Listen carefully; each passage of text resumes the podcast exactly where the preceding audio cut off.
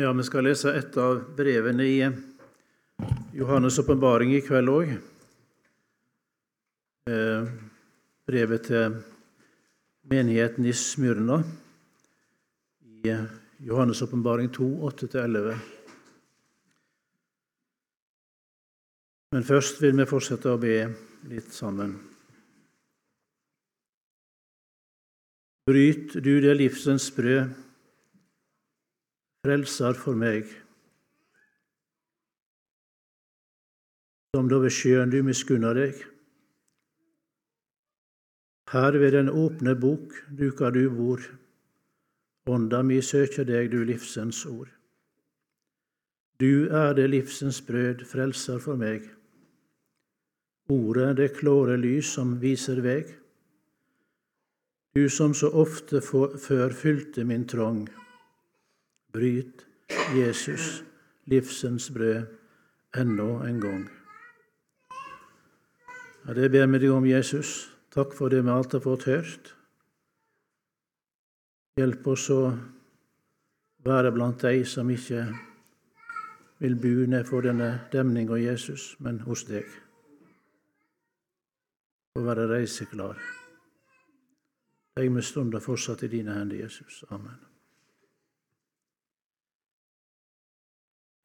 Da leser vi der i, Jesu navn fra kapittel 2, vers 8-11 i Johannes' åpenbaring. Og skriv til engelen for kirkelyden i Smyrna. Dette sier den første og den siste, han som var død og har blitt levende. Jeg veit om trengsla di og fattigdommen din, men du er rik om spotten fra de som sier det er jøder, men ikke er det, men er Satans synagoge. Vær ikke redd for det du skal lia. Sjå, djevelen skal kaste noen av dykk i fengsel, så det skal settes på prøve, og det skal ha trengsel i ti dager. Vær tru til døden, så skal jeg gi deg livsens krone. Den som har øyra, han høyrer hva Anden sier til kirkelyene. Den som sigrar skal slett ikke skadast av den andre døden. Guds ord formaner oss til å ikke være redd for de som dreper lekamen, eller legeme, men ikke kan drepe sjela. Og det kan bli veldig aktuelt for oss, det tror jeg, framover. Det ser ut for at eh, trengsla er like om hjørnet i mye større grad enn vi har hatt det nå. Med de mange mørke skyene på verdenshimmelen, med krig og rykte om krig, og ikke mindre de antikristelige kreftene som har fått sånn veldig råderett i vårt eget land på veldig kort tid. Jeg vil ta med de versene som jeg begynte, begynte med. De står i eh, Matteus 10, 28-33. Eh, Vi leser det nå i starten. Matteus 10, 28-33. Vær ikke redde de som drep lekame, men ikke kan drepe sjela. Ottast heller han som kan øyde både sjel og lekame i helvete. Vert ikke to spurvar selde for én skilling, men uten far dykkar fell ikke én av dei til jorda. Jamvel håra de har på hovedet, er talde alle sammen. Vær derfor ikke redde, det er mer verde enn mange sporvar. Derfor hver den som kjennes ved meg for mennesket, han skal jeg òg kjennes ved for Far min i himmelen. Men den som fornekter meg for mennesket, han skal jeg fornekte for Far min i himmelen. Vær ikke redd for det du skal lia, sto det her i budskapet til menigheten i Smyrna. De hadde allerede trengsel og måtte tåle spott, står det fra de som sa de var jøder, men ikke var det. Men de var Satans synagoge, leste vi. Om disse jødene som de truende møtte slik motstand fra oss, sier Eritsland i sin fortolkning jødene var ofte et større problem både for misjonærene og for de unge menighetene enn hedningene. Om vi kunne si jødene er et um, bilde på de religiøse, de navnkristne. Det tror jeg det går an å si disse jødene. Det går fram, sier han videre, av apostelgjerningene, det apostelgjerningene forteller om Paulus' virksomhet. Både menigheten i Smyrna og i Filadelfia fikk føle fiendskap fra jødisk hold. Når det heter at de kaller seg jøder, men ikke er det, betyr det at dette navnet er for godt for dem, selv om det nasjonalt og etnisk sett er det rette. Jøder er nemlig et hedersnavn som det sanne gudsfolk i den gamle pakt har båret. Men det krever mer enn å ha jødens ytre kjennemerker. Det rette navn på disse er derfor Satans synagoge, for her er synagogen blitt et sentrum for motstanden mot Kristus. Satan betyr jo motstander. Det var han som rådde blant disse jødene. Og så gikk de til angrep verbalt iallfall, på de kristne i Smørna. Og at jødene kunne stå i spissen og føre an i striden i motstand mot sann kristendom og sann gudstru, det ser vi jo til fulle når de anklager Jesus sjøl, han som jo er sannheten. Overlater han til de verslige myndighetene, de romerske myndighetene. De måtte altså tåle spott fra disse jødene, disse i Smyrna. Og så var de fattige i tillegg. Og det går nok først og fremst på materiell fattigdom, ettersom kommentarstoffet sier det iallfall. For de var åndelig så var de rike. Det sto det her. Jeg veit om din fattigdom, men du er rik, står det. Og Jeg tenkte på det når jeg satt med dette. Hvor kan det ikke vel være redningen for et menneske? Hvor har det ikke blitt redningen for mange, mer enn ett menneske, for mer enn én? At de ble gjort fattige her på jord. Ikke nødvendigvis økonomisk, men kanskje det òg. Men på mang en vei som Herren førte de, så ble de gjort fattige. Noen mista helsa. Andre ble lagt andre kors på. Og så fikk Jesus frelsa de, berga de, ført inn på himmelveien på den måten. Og vi må tenke bare på den måten fikk han berga de. De måtte ha det sånn for å bli frelst. For at Jesus skulle få tak i de og få berga de. Det var ikke noe ulykke, det. Nei, langt ifra. Det var lykka deres, det, at Jesus fikk stansa de. Han førte de på den veien. Og Det ene avgjørende som vi ble minnet så sterkt om i åpninga, det er å nå himmel og salighet. Det er ikke noe annet som betyr noe i denne verden enn det, i forhold til det. Og Eivind Andersen han sa det omtrent sånn Alt som fører meg mot målet, mot himmelen, er medgang. Selv om det kan se ut som motgang i verdens øyne og med fornuften. Og tilsvarende alt som hindrer meg i å nå målet, er motgang, selv om det kan oppleves og se ut som medgang. Det er både trøst og realisme i budskapet Jesus har til denne menighetsforstanderen og til denne menigheten i Smyrna. Det er trøst i å vite hvem det er som sier dette som Johannes skulle sende videre i brevsform.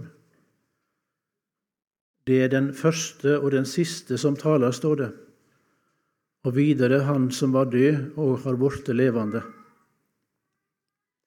Og Det betyr at han er herre over tiden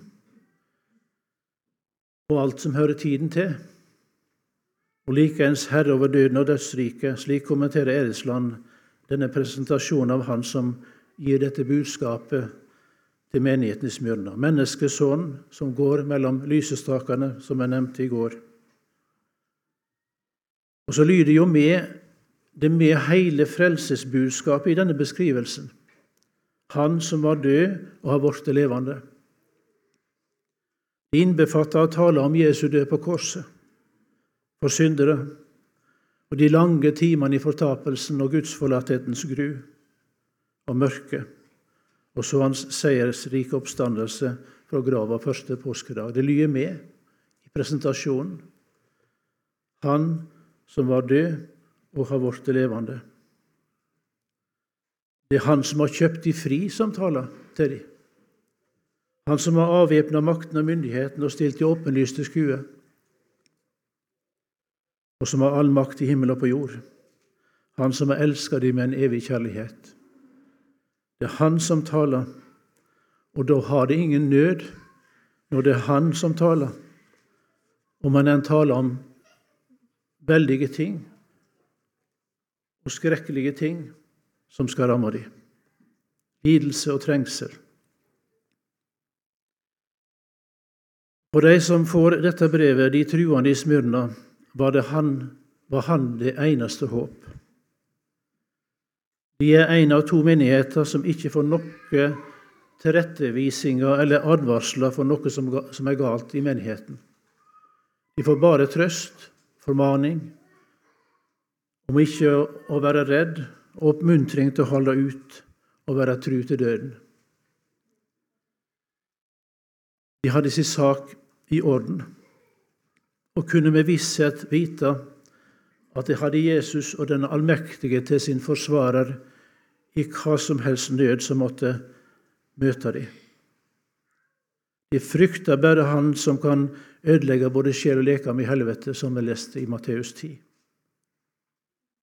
Den eneste vi blir formanet til å frykte.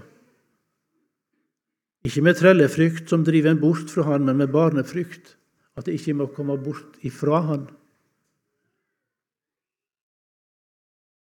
Ikke at han ikke kan kjenne på frykt mange ganger, det hører med til vår skrøpelighet. Men det er ingen reell grunn til frykt for den som har sin sak med Gud i orden. Ingen reell grunn. Den trøst var der òg for disse i Smyrna, om enn det ikke er skrevet eller sagt spesielt i teksten. Så hadde de den trøst. De visste det. Og så sier Jesus, 'Jeg veit'. Jeg veit om trengsla di, om fattigdommen din, om spotten. Skulle ikke det å få være ei rik trøst for en kristen, for et Guds barn, at han som bestemmer om en liten spor skal leve eller dø, og som til og med har talt håret på hodet vårt, at han veit hvordan vi har det? Det er rik trøst, det. Jeg veit om det, sier Jesus. Sånn var det òg en trøst for denne menigheten. Jeg veit om trengsla di. Edisland han poengterer at han ikke sier 'jeg veit om gjerningene dine', for det sier han i mange av de andre brevene. Trengslene som de har gjennomgått, hører med til begrepet gjerninger, sier han. For å lide for troen er i åpenbaringen ikke noe passivt, men en aktiv innsats i Guds rike. Å lide for troen er en aktiv innsats i Guds rike. Det er en gjerning. En Gud velbehagelig gjerning. Det er å bære vitnesbyrdet fram for verden, sier han. For martyrium det kommer av martyrio, som betyr å vitne. De vitner med sitt blod, de vitner med sin trengsel så vokser Guds rike. Og Sånn er det i dag òg. Og så er trengslene som fortsatt venter de, de er tilpasset og nøye tilmålt av Gud, slik som Gud vil. Det er Han som setter grensene, ingen annen. Så langt, men ikke lenger, sier Han som sitter på trona. Det er ingen vilkårlighet i det som skjer, men alt skrider fram etter Guds overkommando.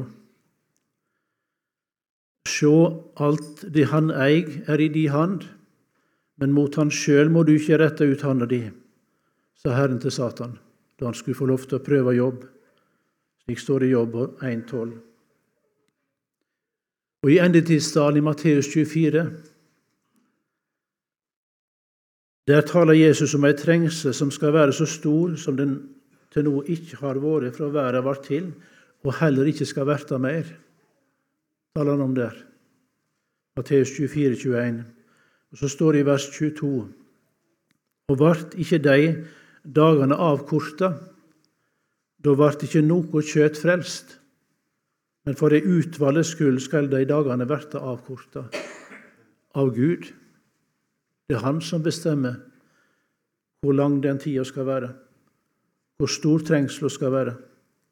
Den er nøye tilmålt av Gud. Vær ikke redd for det du skal lia. Djevelen skal kaste noen av dykk i fengsel, og det skal ha trengsel i ti dager. Nå la jeg litt vekt på 'skal', det vet jeg ikke om står i grunnteksten, for det kjenner jeg ikke til. Men for å vise at det er noe som er bestemt. Det er bestemt, så du må realistisk regne med det, sier Jesus. Og det sier han til oss òg. Du må realistisk regne med det. Det har vært for Guds trone, og det må skje. Det blir sånn. Men det står òg noen av dykk, ikke alle, altså. Og det står ti dager, og det er vel helst å forstå som et avgrensa tidsrom. Og det står i 1. Korinterbrev 10.13 et løfte om at Gud ikke vil la sine møte noe freisting som mennesket ikke kan tåle. Og Ut fra sammenhengen er det naturlig å forstå fristelse som prøve. Og så er det rett òg, som en har sagt, enhver freisting er en prøve, og enhver prøve er en freisting.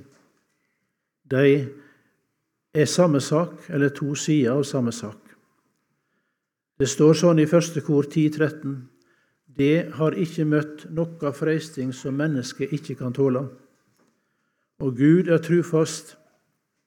Han skal ikke la dykk verta freista over evne, men gjøre både freistinga og utgangen på henne slik at det kan tåle henne. Jeg syns det er et trøstefullt vers å komme tilbake igjen til.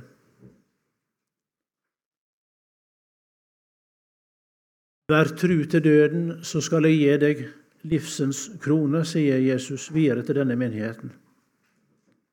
Det vil si at det kan koste døden. Døden kan bli utgangen, men seiersprisen, livsens krone og evig liv og salighet hos Jesus venter de som er tru, om så døden blir utgangen.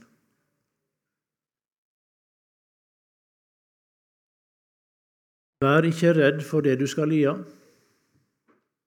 Jeg har tenkt på det med lidelsen i kristenlivet, eller forfølgelsen. Den står jo millioner av kristne i den dag i dag på en helt annen måte enn meg, enn du og jeg. Og de har gjort det lenge, og det er mange som er døde. De sier vel det at eh, denne tida som vi lever i nå, er den største martyrtid som har vært. De må bøte med livet fordi de tror på Jesus. Og Vi trenger ikke gå, gå utenfor vårt eget land heller, eller langt i det hele, for å finne de som må tåle mye hat og spott og forfølgelse for Jesus skyld. På en helt annen måte enn jeg og du. Eller skal jeg kanskje bare si meg sjøl. Jeg vet iallfall at jeg har ikke prøvd mye av det. Det står jo at lidelsen eller forfølgelsen skal bli den til del som vil leve gudfryktig i Jesus Kristus. I Kristus Jesus. Vi kan lese det sånn i 2. Tim 3,12. Og alle som vil leve gudfryktig i Kristus Jesus, skal verta forfylde. Og I så måte så var det ransakende, syns jeg, å lese det som sto i et av stykkene i siste lov av evangelium. Siste lov av evangelium. Som i stor grad hadde lidelsen i kristenlivet som tema, etter som jeg kunne forstå det iallfall. Det sto der Har du funnet en måte å være kristen på som kan forenes med å bli aktet og æret i denne verden? slippe unna hån og spott, motstand og forfølgelse, forsakelse og lidelse. Enda apostelen sier at alle som vil leve gudfryktig i Kristus Jesus, skal bli forfulgt. Sto det der i stykket 'Gjort lik med Jesus'. Og jeg har visst mye jeg har måttet gå med når det gjelder det. Gå med til Jesus. Så mange svikt, så mange unnvikelser, så mange fortielser der jeg skulle sagt noe, kanskje, og holde fram livets ord midt i syndens verden. Og Så mange ganger ble det òg gått fram på kjødelig vis. Det var ikke Guds ånd som dreiv en, men egenviljen og retthaveri og gjengjeldelsestrang, ja, verdensvis. Og så ble det gjort skam på Jesu navn, i stedet for vitnesbyrd om det, om det og ære til det, som det skulle være med vårt liv. Og harmen eller forakten som ble en til del, var så visst ikke på grunn av at en hadde, hadde var på grunn av Jesu navn, men på grunn av ens egen synd og ens egen kjødelige reaksjonsmåte. Og jeg veit ikke noe annet og noen annen plass å gå med det enn til Han som forlater synd, og renser ifra all urettferdighet, og som har nagla skyldbrevet mitt til korset. Og det vil jeg òg forkynne med frimodighet til meg sjøl og til enhver som trenger det. At vi skal få hvile i det fullbrakte hvordan det enn går i kristenlivet. Og når det gjelder min frelsessak, så er det bare Jesus som gjelder, og hans forsoning på korset. Jesus gjelder i mitt sted, og han gjelder i ditt sted. Og Jeg har tenkt litt på det i det siste for å si litt mer om den sak at vi må ikke ta anstøt av reisedrakta. Det står i siste vers i sangen på 213 i sangboka Visst er jeg ringe her i reisedrakten. Hva gjør vel det? Der hjemme får jeg prakten. La verden se. Og det som synes smått, er Jesus min, jeg har evig godt. Og det er ikke å ta det lettvint med livet og unnskylde synder, for det skal vi aldri gjøre. Men det er å klynge seg til evangeliet, flyte fristaden eller bli i fristaden når anklagen kommer. For anklagen mot synd er rett, men den anklagen som stenger veien til nådetroen og til Jesus, den er ikke rett. Den må vi ikke høre på. Siden vi nå har en slik øversteprest som har gått gjennom himlene, Jesus, Guds sønn, så la oss holde fast på vedkjenninga. For vi har ikke en øversteprest som ikke kan ha medlidenhet med vår veikskap, men en som er prøvd i alt på samme måten som vi, men uten synd. La oss derfor gå fram for nådens trone med frimodighet, så vi kan få miskunn og finne nåde til hjelp i rette tid, står det i Hebreerne 4, 14-16. Og den rette tid, det er når det har gått i stykker for oss. Når det har ramla ned for oss. Vi må ikke ta anstøt av vår egen reisedrakt, hvor ringe den enn er, som er slutta å gå til Jesus med våre synder. Fordi vi kjenner oss så skitne, så hykkelske, når det går i stykker for oss igjen og igjen. Og heller ikke må vi ta anstøt av vår egen og andres reisedrakt, som vi begynner å regne feil.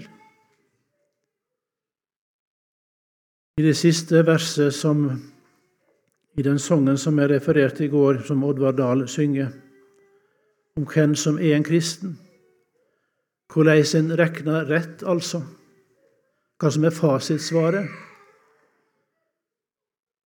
så synger han til slutt så vil jeg synge om hvem en kristen er, som har sin sak i orden og håpets stjerne bær. Det er de arme syndere som bruk for nåde har. De er for Gud så rene som Han som korset var. Og Samtidig så vil vi be om at det må bli mer og mer sånn med oss i livet vårt. Som det står i en annen sang, O la mitt liv, o la mitt liv om Jesus tale.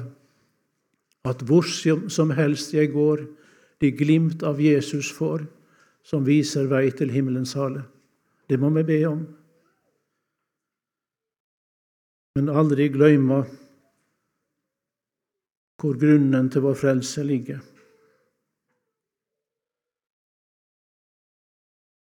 En kjenner mange en gang på beven innenfor dette spørsmålet, syns jeg iallfall.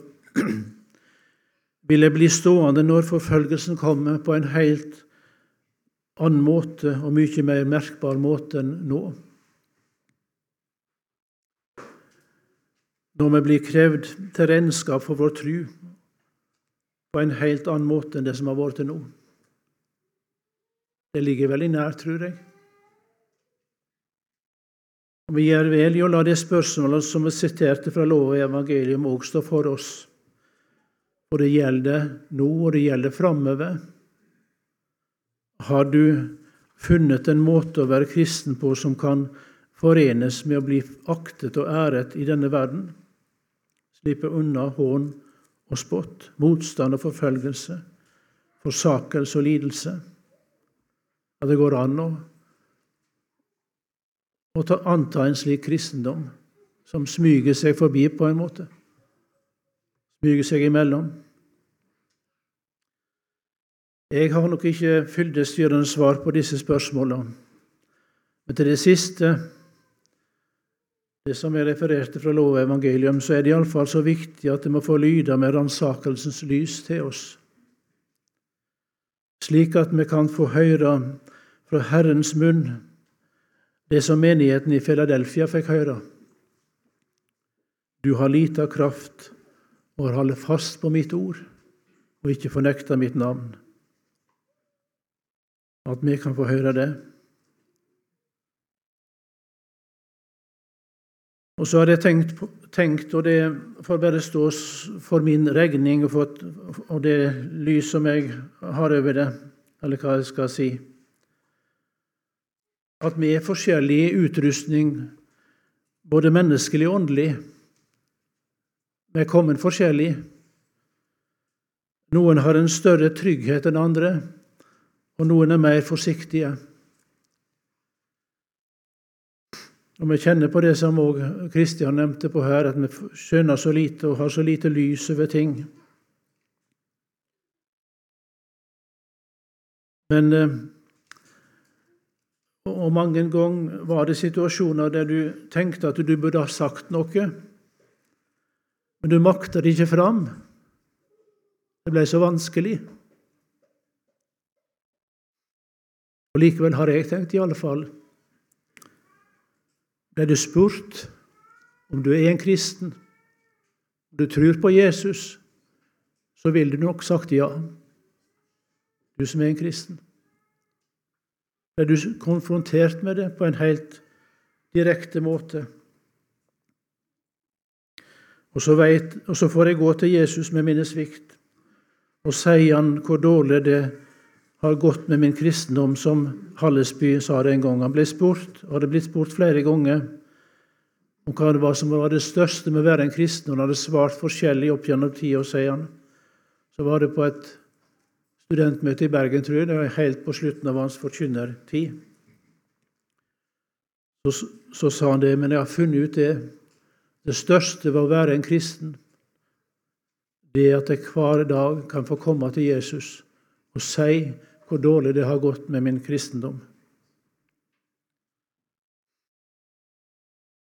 Så må vi be om å få holde fast på ordet og få være tru i å bekjenne Jesu navn i dagene som kommer. Men alltid vite og hvile i det som sangen sier, hvordan det føles og hvordan det går. Barn skal du enda få være. For det hviler på noe helt annet enn min eller din mer eller mindre vellykka kristendom.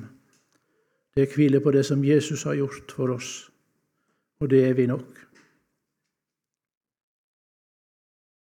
Men det fins en sted å hvile og finne trøst når frykten kommer, om vi spør hvordan vi skal få være tru til døden. Og det er i ordet og i løftene. Framfor alt så er det avgjørende at vi er der disse i Smyrna og Filadelfia var, og der disse i Sardes var, som ikke hadde skitna til klærne sine. Var det forresten fordi de hadde fått det så godt til at ikke de hadde skitna til klærne sine? Var det det som gjorde det? Hadde de vært så flinke? Nei, det var ikke det. Det var det at de ikke visste seg noe annet til frelse enn Jesus, og de kunne ikke la det komme noe mellom han og seg, sånn som jeg leste ifra, ifra Hopet i går. De måtte til Jesus med alt. De hadde en var samvittighet, var så redd for at det skulle komme noe mellom deg og Gud. Det var sånn de holdt klærne sine reine. De måtte til Jesus med sin synd.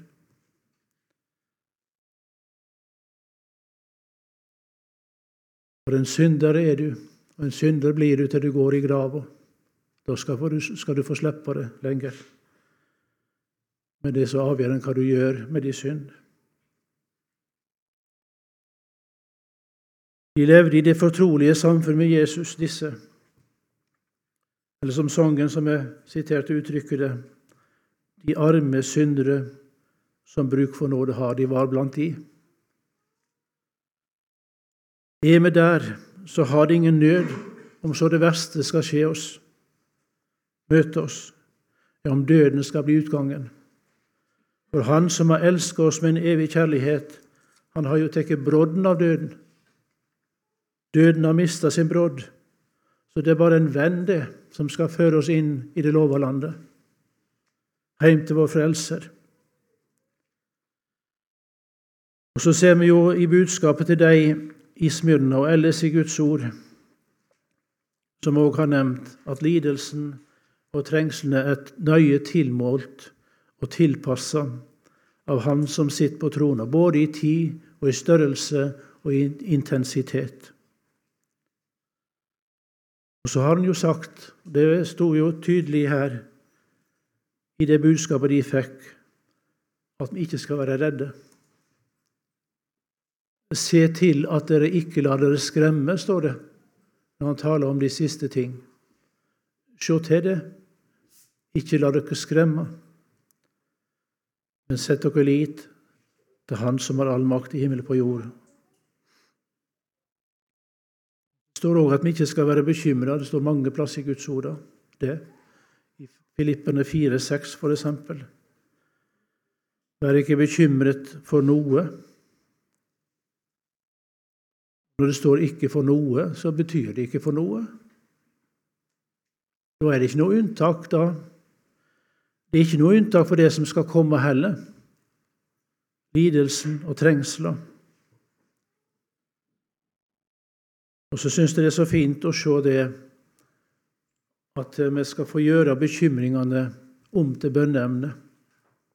Vær ikke bekymret for noe, men la deres bønneemner komme fram for Gud.